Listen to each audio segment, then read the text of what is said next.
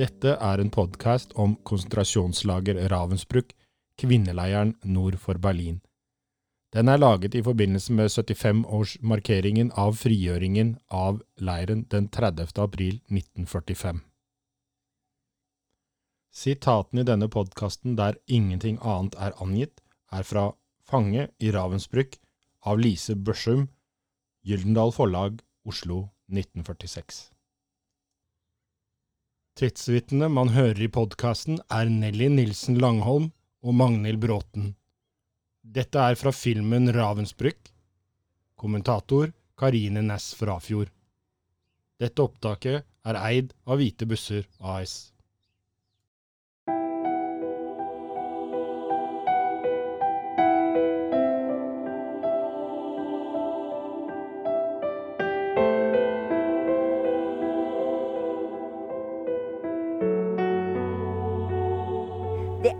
Merkelig følelse. Det er ingen som kan forstå hvordan en føler når du kommer hit.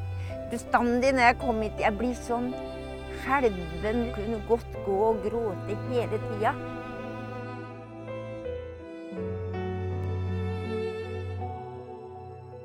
Hva det betyr å være et medmenneske. Det er det aller, aller viktigste. Å forsøke å være god. Nazistenes aggressive forfølgelsespolitikk gjorde det nødvendig å etablere mange nye fengselsplasser. De første leirene ble etablert umiddelbart etter riksdagsbrannen den 27. til 28. februar 1933. Dette ble unnskyldningen Adolf Hitler hadde ventet på, og kunne sette til side sivile rettigheter med den såkalte Verordnung des Reichspräsident som Schutz von Volk und Staat, rikspresidentens forordning til folkets og statens beskyttelse også kjent som Riksdagsbrannforordningen, undertegnet den 28. februar 1933. Fra desember 1934 etablerte kommandanten i konsentrasjonslager Dachau, SS Gruppenführer Theodor Eike, Inspeksjon der konsentrasjonslager, IKL, Inspektoratet for konsentrasjonsleirer, som ble ansvarlig for å administrere alle konsentrasjonsleirene i Det tredje riket. Tusener av mennesker ble arrestert på grunn av riksdagsbrannforordningen. Alle sivile rettigheter som var gitt under Weimar-grunnloven, ble fjernet. Politiet ble gitt alle fullmakter og kunne arrestere hvem de ønsket, helt vilkårlig, og kaste disse i fengsel eller konsentrasjonsleir uten noen rettslige prosesser. Dette ble eufemistisk beskrevet som schutzhaft, beskyttende varetekt, og tjente som et svært effektivt politisk instrument for naziregimet. Bare i 1933 alene ble en halv million mennesker arrestert.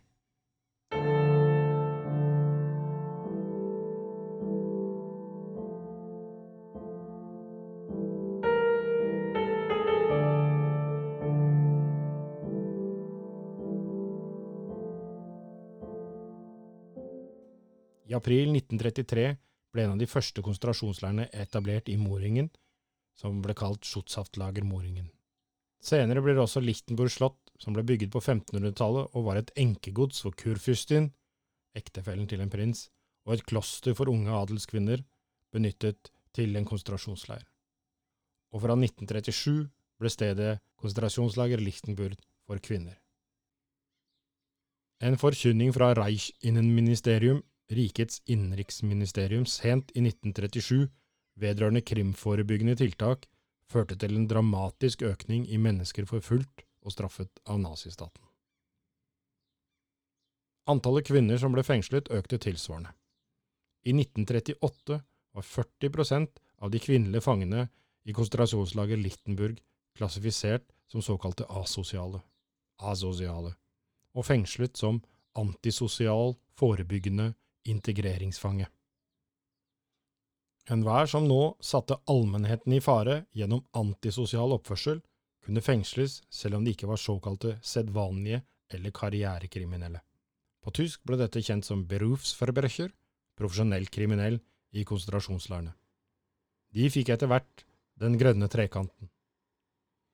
Eksakt hva som definerte antisosial oppførsel, var ikke spesifisert. Dette gjorde samtidig at man brukte dette som en unnskyldning for å kunne fjerne enhver man ikke likte fra gatene. Inspeksjon der konsentrasjonslager, Inspektoratet for konsentrasjonsleirene, nå ledet av SS Oberführer Richard Glücks, søkte etter et sted å opprette en ny kvinneleir. De fant dette i området ved landsbyen Ravensbrück i Mecklenburg-regionen, nær byen Fürstenberg. Frauen konsentrasjonslager, FKL, Ravensburg, ble født. Opprinnelig var det tenkt at leiren skulle være for 500 fanger. Schutthaftlagerführer i konsentrasjonslager Sachsenhausen, Rudolf Høss, som senere blir kommandant i Auschwitz-Birkenau, vitner etter krigen om at Theodor Eike, fortsatt da inspektør for konsentrasjonsleirene, ønsket en leir med plass til minst 2000 fanger. Den 2. mai utgikk ordre fra Gestapo i Berlin om at fra den 15. mai skulle alle kvinnelige fanger overføres til konsentrasjonslager Ravensbrück.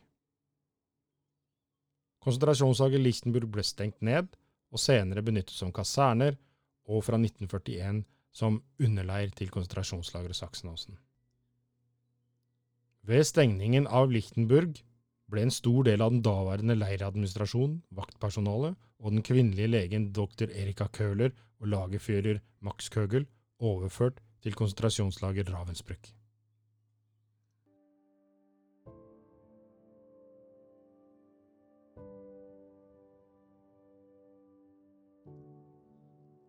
Vi blir ofte spurt Visste du ikke hva som foregikk? Det skjedde igjen når vi dro til USA nylig. Amerikanerne spurte om vi virkelig ikke visste noe. Jeg visste ikke. Vi så at det var røyk som kom ut av pipene, men vi visste ikke at det var et krematorium. Du kunne ikke unngå å legge merke til den forferdelige tilstanden disse menneskene var i. Du la merke til at de kom fra forskjellige land. Alle visste hva de trekantene lappene på fangeuniformene var. Vi visste alle hva de forskjellige trekantene betød. Når hundene startet å gjø der borte, så ble lyden båret over vannet til oss. Bare tenk på hvor mange hunder det er der borte. De fleste av fyrstenbergerne hørte ikke bjeffingen. Jeg var et barn på den tiden. Jeg hørte det. Jeg sa, hva er den lyden? Min bestefar opplyste meg. Det er hundene fra mm, kvinneleiren. De kalte det aldri en konsentrasjonsleir. De kalte det kvinneleiren. Dette er et utdrag fra anonyme intervjuer gjort av Anette Leo og Jens Scheli i 1968. Selve fangeleiren ble utvidet flere ganger. Tre hovedutvidelser og mange små endringer ble gjort. Fangeleiren besto av Alteslager, gamleleiren, og Neueslager, nyleiren. Leiren var atskilt med murer fra SS-hovedkvarteret, Industrienhof og krematoriet. I en periode var det en mur mellom Altus og Noyes lager, denne ble senere fjernet. Det var en nivåforskjell i terrenget som medførte at det var trapper mellom de to nivåene. I dag er det fylt på nærmere 1,5 meter masse etter krigen. De sovjetiske okkupantene ønsket leiren i samme høyde, og det betyr at muren i dag på innsiden er 1,5 meter lavere enn den var ved krigen. I fangeleirområdet lå også bunkers, fengselet, leirkontoret og SS-kantinen. Det gamle leirområdet ble etter hvert brukt mest til revir, sykestuer, når fangeantallet og sykdomstilfellene eksploderte. De første blokkene for slavearbeidet ble opprettet i den gamle leiren.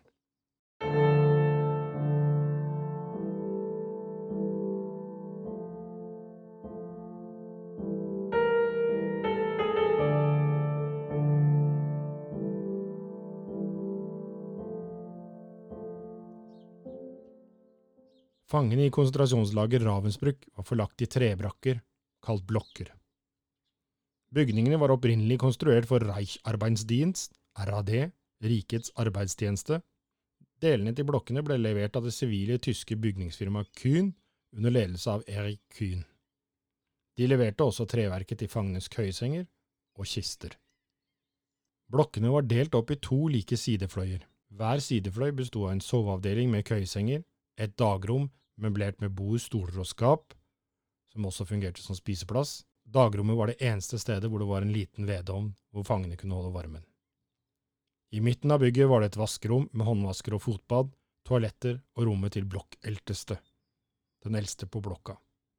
En funksjonsheftelinge, en funksjonsfange, som hadde ansvaret for ro, orden og avmelding av blokka hver morgen. Hun hadde sitt eget rom, toalett og en liten vedovn.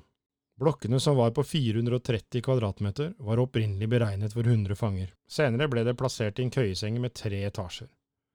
Mot slutten av krigen, når alle leirene ble overfylt, satte man også inn senger i dagrommene. Mer enn 500 fanger kunne være trygt sammen i hver blokk. I leirens siste uker kunne det være opptil fem fanger i hver seng. Fangene lå også da overalt på gulvet. Området rundt konsentrasjonslaget Ravensbrück besto av mye sand og leire. Spesielt i området sør for selve fangeleiren der Siemensverket senere ble bygget. Nazistenes ekspansjonspolitikk og kravet om Lebensraum, leveområde, gjorde at man ønsket å legge beslag på store områder i øst. Polen, Ukraina og Sovjetunionen skulle befolkes av nybyggere fra den ariske rase. De slaviske raser skulle sultes til døde for å gi plass til nybyggere og frigi jordbruksarealer. Nazistene ønsket et system med autarki, selvberget system. Tyskland var overhodet ikke selvberget, og de trengte enorme jordbruksområder for å skaffe mat til sine soldater i øst. Man regner med at mer enn fire millioner sovjetrussere, hviterussere og ukrainere sultet i hjel. I området rundt Ravensbruk fantes det gartnerier, hønsefarmer, og forsøksområder for medisinske planter. I området hadde man også Deutsche Versuchsanstalt für Ernährung und Verpflegung, DVA, tysk forsøksinstitutt for ernæring og forpleining. Forsøksinstituttet ble opprettet 23.1.1939. Det ble gitt midler fra et SS-selskap, Deutsche Ard- und Steinwerke, DEST, til etableringen. Grunnleggeren var Osvald Paul og selskapet ble finansiert med lån på 8 millioner Reichmarks gitt av Røde Kors. Oppgavene til DVA var å forske på og dyrke medisinske planter og aromatiske urter. Dette skulle forsyne tyske og utenlandske markeder med tysk medisin. De drev med produksjon og fremstilling av nye medisiner og salg av produktene. I april 1941 startet SS å overføre mannlige fanger fra andre konsentrasjonsleirer til konsentrasjonslaget Ravensbrück for å arbeide med utvidelsen av leiren. I starten var disse fangene forlagt i to blokker på den østlige delen av kvinneleiren. I august 1941 ble en separat leir for menn satt opp, med fem fangeblokker og et flerbruksbygg. For mesteparten av tiden leiren eksisterte, inneholdt den mellom 1500 til 2000 menn.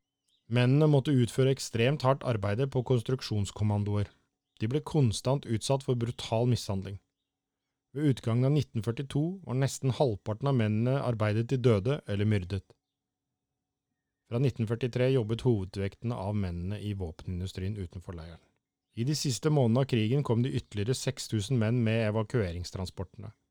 Totalt var rundt 20 000 menn fengslet i konsentrasjonslaget Ravensbrück og underleirene. Mer enn 2500 av de døde. I 1942 etablerte Reich Kriminalpolizeiamt, RKPA, Rikskriminalpolitiet en leir i området Ukkemark. Jugendschutzlager Ukkemark, beskyttende varetekt for mindreårige, var beregnet på mindreårige jenter fra 16 til 19, og ble senere økt til 21 år. Dette kom etter press fra SS, som ønsket en leir tilsvarende Måringen Jugendschutzlager, som ble etablert i august 1940 for unge gutter. Det fantes også en tilsvarende leir i Polen, Polen Jugendwehrlager Lichmannstadt. Kriminalpolizei, Kripo, kriminalpolitiet, styrte leiren, men slavearbeidet var underlagt Inspeksjon der konsentrasjonslager, inspektoratet for konsentrasjonsleirene. Når de første fangene kom dit, eksisterte kun blokkene. Kommandanten rapporterte når en ny blokk var ferdig til RKPA, som da organiserte overføringen av nye unge jenter. Når leiren ble frigjort i 1945, var 17 blokker bygd. Mannskapene bodde i egne brakker på utsiden av leiren.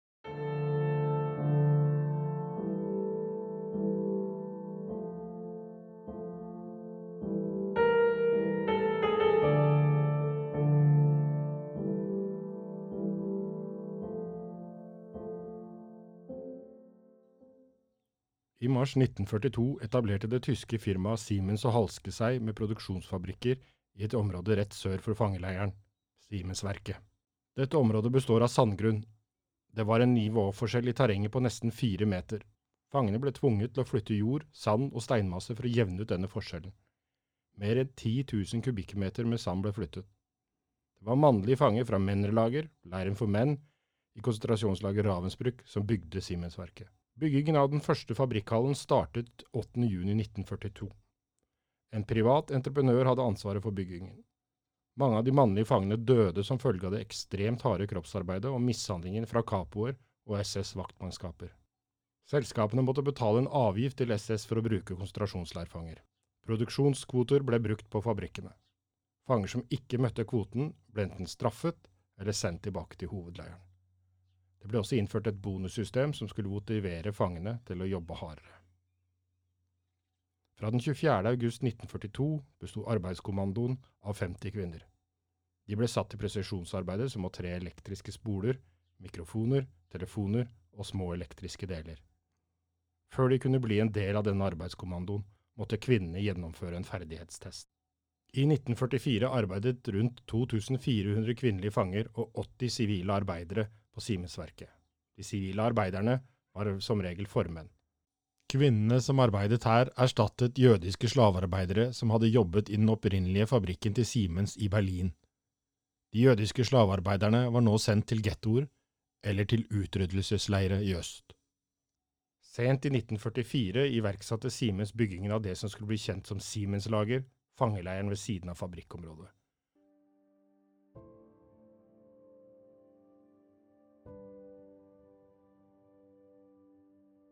Om natten kom de og hentet meg. Jeg må ha følt dem i trappen, for jeg hadde satt meg opp i sengen da de kom.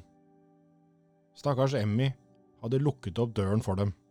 Jeg ser henne ennå stå bak dem i mors arvede fløyelsmorgenkjole. Det var to stykker. Den verste sto forrest og spurte om det var fru Børsum. De fleste fangene som ankom konsentrasjonslager Ravensbrück, ble ført hit med godstog. Inntil Reisbanen bygget en stasjon på sidesporet som gikk forbi leiren, ble de fleste fraktet til jernbanestasjonen i Fürstenberg. Der ble de møtt av avseherinnen med hunder.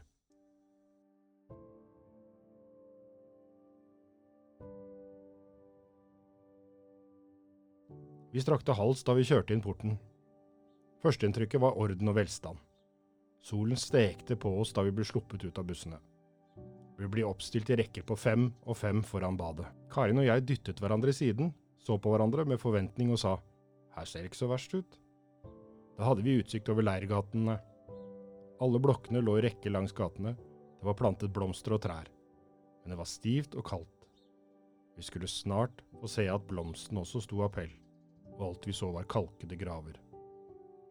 Det luktet forjettende godt fra kjøkkenet som var like i nærheten, men vi lærte snart at vår mat luktet ikke sånn. Det var SS-mat vi kjente lukten av. Maten Lise og Karin kjente lukten av, kom fra SS-kantinen som lå rett overfor flerbruksbygget, det som de kalte for badet. Etter å ha ventet mange ganger i flere timer, ble kvinnene registrert i flerbruksbygget rett innenfor hovedporten. Der ble klærne og personlige eiendeler konfiskert. Mange følte seg ydmyket av å måtte kle av seg foran alle andre. Funksjonsheftlingen, funksjonærfanger, inspiserte de nytilførte fangene for lus, og mange av kvinnene fikk håret barbert av. Deretter ble de ført til dusjen. Etter dusjen forble kvinnene nakne og ble utsatt for en medisinsk undersøkelse. Under denne kom SS-doktorene ofte med ydmykende kommentarer om kvinnene. På slutten av registreringsprosessen fikk kvinnene fangeuniformer og ble sendt i en av Sogangsbarakken, tilførselsblokkene for nykommere.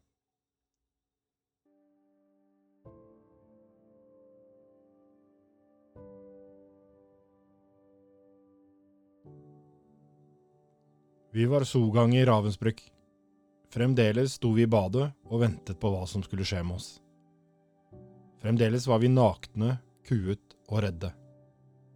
Det lå en haug med klær i hjørnet. Den var for oss. Vi fikk et linnet av forhistorisk mønster, og buksen var utstyrt med rare bånd og patenter.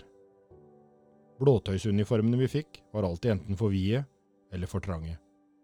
På føttene fikk vi en slags tretøfler med en tåhette og en stropp rundt hælen. De kaltes pantiner. Stroppen gled alltid av. Undertøyet var grått og uappetittlig og fullt av gamle blod- og materieflekker. Det var vasket, men gikk alltid gjennom desinfeksjonsovnene først. Der ble all skitten brent inn i tøyet. Lukten av dette tøyet forfølger oss ennå. Så vidt jeg husker, så fikk vi dusje. Men vi fikk jo òg Vi ble jo òg da kroppsvisitert. Og eh, måtte legge oss i en sånn gynekologstol eller sånn. Hvor de eh, undersøkte om vi hadde noe inni vagina. Og så vidt jeg husker, så ble det bare gjort med en blyant.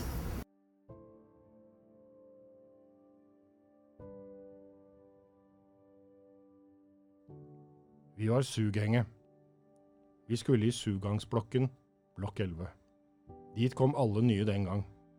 Sofumf, fem og fem, gikk det dit ned, alt ble siden Sofumf. Det var kort vei til blokk 11, hvor vi ble stengt inne med alle sugangene.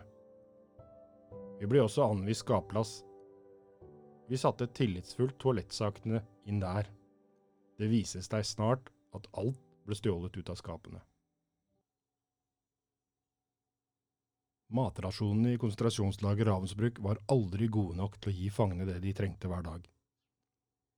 Energibehovet for en kvinne i 30-årene som er normalt bygg, ved hvile er ca. 1300 kalorier per dag. Ved vanlig arbeide rundt 2000. I 1939 var det totalt rundt 900 til 1000 kalorier hver fange fikk hver dag. En halv til en tre kvart liter grønnsakssuppe med noen få poteter to ganger om dagen, 500 gram brød én gang om dagen, 20 gram margarin én gang om dagen.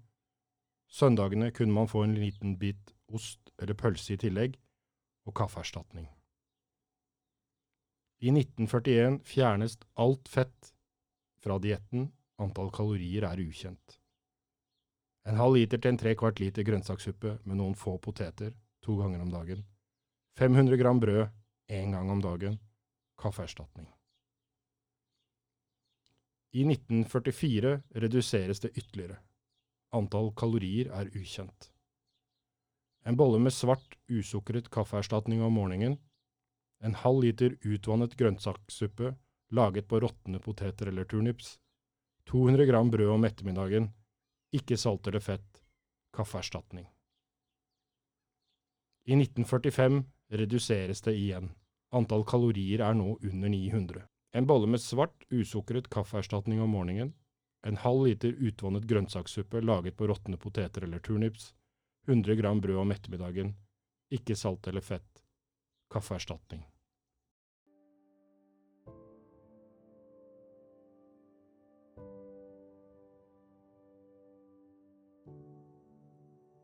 Vårt første måltid var grønnsakssuppe.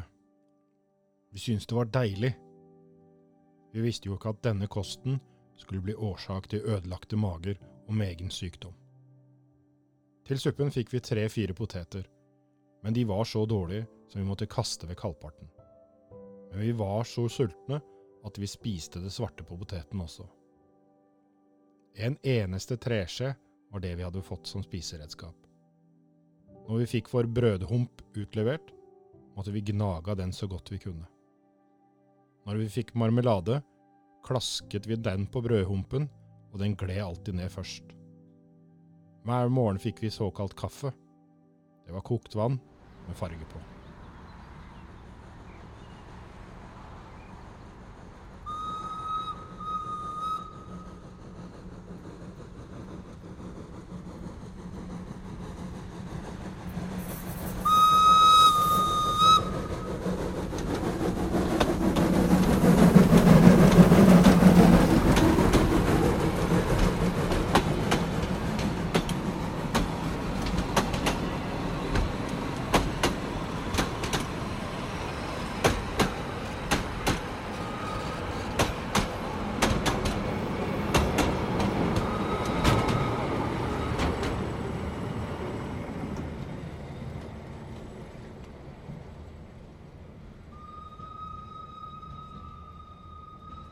Transport skulle alltid sette frykt i fangene. Uansett hvor man var etter at man var arrestert, så visste man i hvert fall i utgangspunktet hva man kunne forvente der man var. Ble man tatt ut til transport, ble alt mye mer usikkert. Når ryktene strømmet, og det ble kjent at transportene ofte endte opp i dødsleire eller livsfarlige arbeidsleire, ble frykten for å bli ropt opp mye større. Fra 1942 var det mer og mer kjent at de fleste transporter østover var ensbetydende med døden for jøder spesielt. I november 1941 kom de tre første norske fangene inn gjennom leirporten i Ravensbrück. De var alle fra Oslo. Det var Olga Marie Eltvig, født 1902, Miriam Christiansen, født 1899, og Helene Strand Johansen, født 1903. Miriam og Helene ble arrestert den 21. juni 1941, samtidig med at deres ektemenn ble arrestert. Begge to kvinnene var russisk født, og begge var av jødisk herkomst. Når konsentrasjonslaget Ravensbrück ble rensket for jøder, ble Miriam og Helene sendt til Asurs-Birkenau, hvor de ble myrdet. Noen norske kvinner blir også arrestert og sendt nedover i 1942, men hovedbolken med norske kvinner blir sendt nedover til konsentrasjonslaget Ravensbrück fra sommeren 1943. 103 norske kvinner og én mann blir sendt til konsentrasjonslager Ravensbrück. Av disse skal ti, inkludert mannen, aldri komme hjem igjen. De dør i konsentrasjonslager Ravensbrück, Auschwitz-Birkenau eller en av de mange underleirene som lå under konsentrasjonslager Ravensbrück.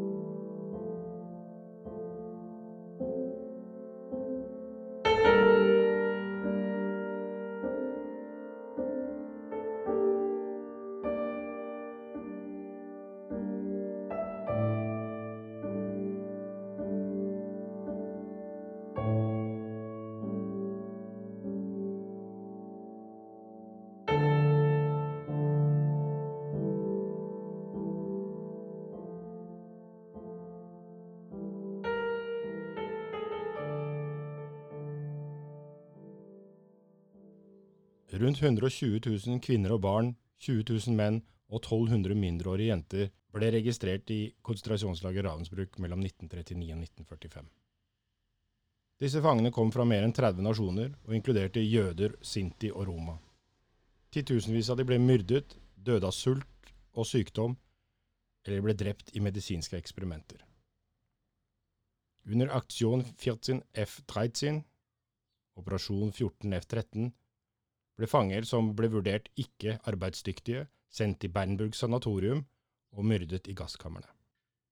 Fra 1941 ble konsentrasjonslaget Ravensbrück brukt som en henrettelsesplass. Utallige mengder med kvinner, tallet er ikke kjent, ble skutt. Tidlig i 1945 bygget SS et midlertidig gasskammer i en av brakkene rett ved siden av krematoriet. Her ble mellom 5000 og 6000 fanger gasset mellom januar og april 1945. Blant de var ca. 100 menn fra mennenes leir.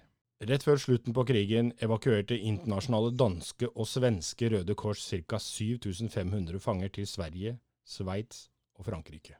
Rett etter dette, på ordre fra Heining Kimler evakuerte kommandanten Fritz Suren 20 000 fanger. De ble tvunget på en dødsmarsj nordvest i flere kolonner. De som ikke klarte å følge med, de ble skutt og kastet i grøfta. Den 30. april 1945 frigjorde Den røde armé konsentrasjonslaget Ravensbrück, hvor ca. 2000 syke fanger hadde blitt forlatt. For de fleste kvinner, barn og menn som hadde vært fanger i konsentrasjonslaget Ravensbrück, stoppet ikke lidelsene med frigjøringen. Mange døde i de følgende ukene, månedene og årene. Og mange av de overlevende led på grunn av konsekvensene av hva oppholdet i Ravensbruk hadde gjort med de.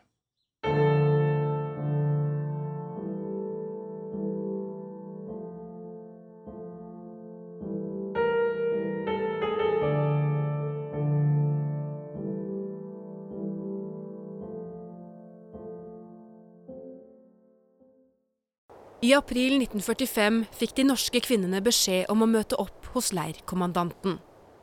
Og så kom vi inn i den bygningen da, der hvor vi var da vi kom til leiren. Og der eh, kom kommandanten inn til oss da om morgenen. For, for vi var der om natten.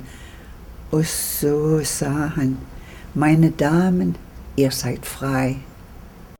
Håpet var gått i oppfyllelse. Tenk på det, ja. Det hadde jo gått og håpa kanskje i morgen. Kanskje neste. Kanskje. Kan du beskrive noe bedre? Nei, det fins ikke på jorda. Det internasjonale og det svenske Røde Kors hadde klart å få tillatelse til å evakuere 7500 kvinner gjennom Danmark til Sverige. Men 20 000 fanger ble tilbake. Det var ikke lett, for selvoppholdelsesdriften er så sterk. Så du vet det, å spise mens du ser andre ligge og dø av sult, det er ikke så lett.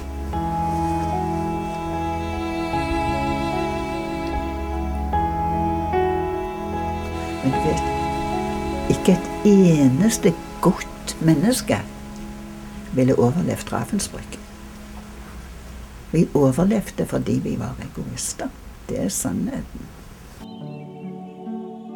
Da vi gikk ut porten, så så vi at det sto busser der. Og med Røde Kors på. Og da vi kom opp til buss, da vi gikk inn, så satt det en sjåfør der inne, og så sa han god morgen. Du vet det, du, du har liksom Du kan ikke glemme det. Og det er som sang i mine ører når jeg hører Og jeg, jeg glemmer det aldri. I kolonner av hvite busser med påmalte Røde Kors og svenske flagg ble de heldige fangene kjørt nordover gjennom et sønderbombet Tyskland. Det var jo krig på begge sider. Amerikanerne kom jo fra vest, og russerne fra øst. Og du vet at det var ikke lett å kjøre gjennom. Så derfor kjørte disse motorsyklene som holdt kolonnen sammen. En kjørte foran, og en liksom på siden. Men du vet, det gjorde et veldig inntrykk når vi kjørte gjennom Hamburg, hvor jeg ikke så et eneste helt hus. Å se en ståby fullstendig i ruiner, det var helt utrolig. Det var veldig vondt. Og så kom vi til en Bjerkelund. Der stoppa vi. Og der Jeg vet jo, der gikk vi vel og kjente på hverandre sjøl og kanskje kløp hverandre òg. og der eh, skulle vi avtrede. og det husker jeg så godt. At å sette seg ned og tisse i gresset og kjenne gresstrå i rumpen, det var aldeles nydelig. Det, det er et herlig minne.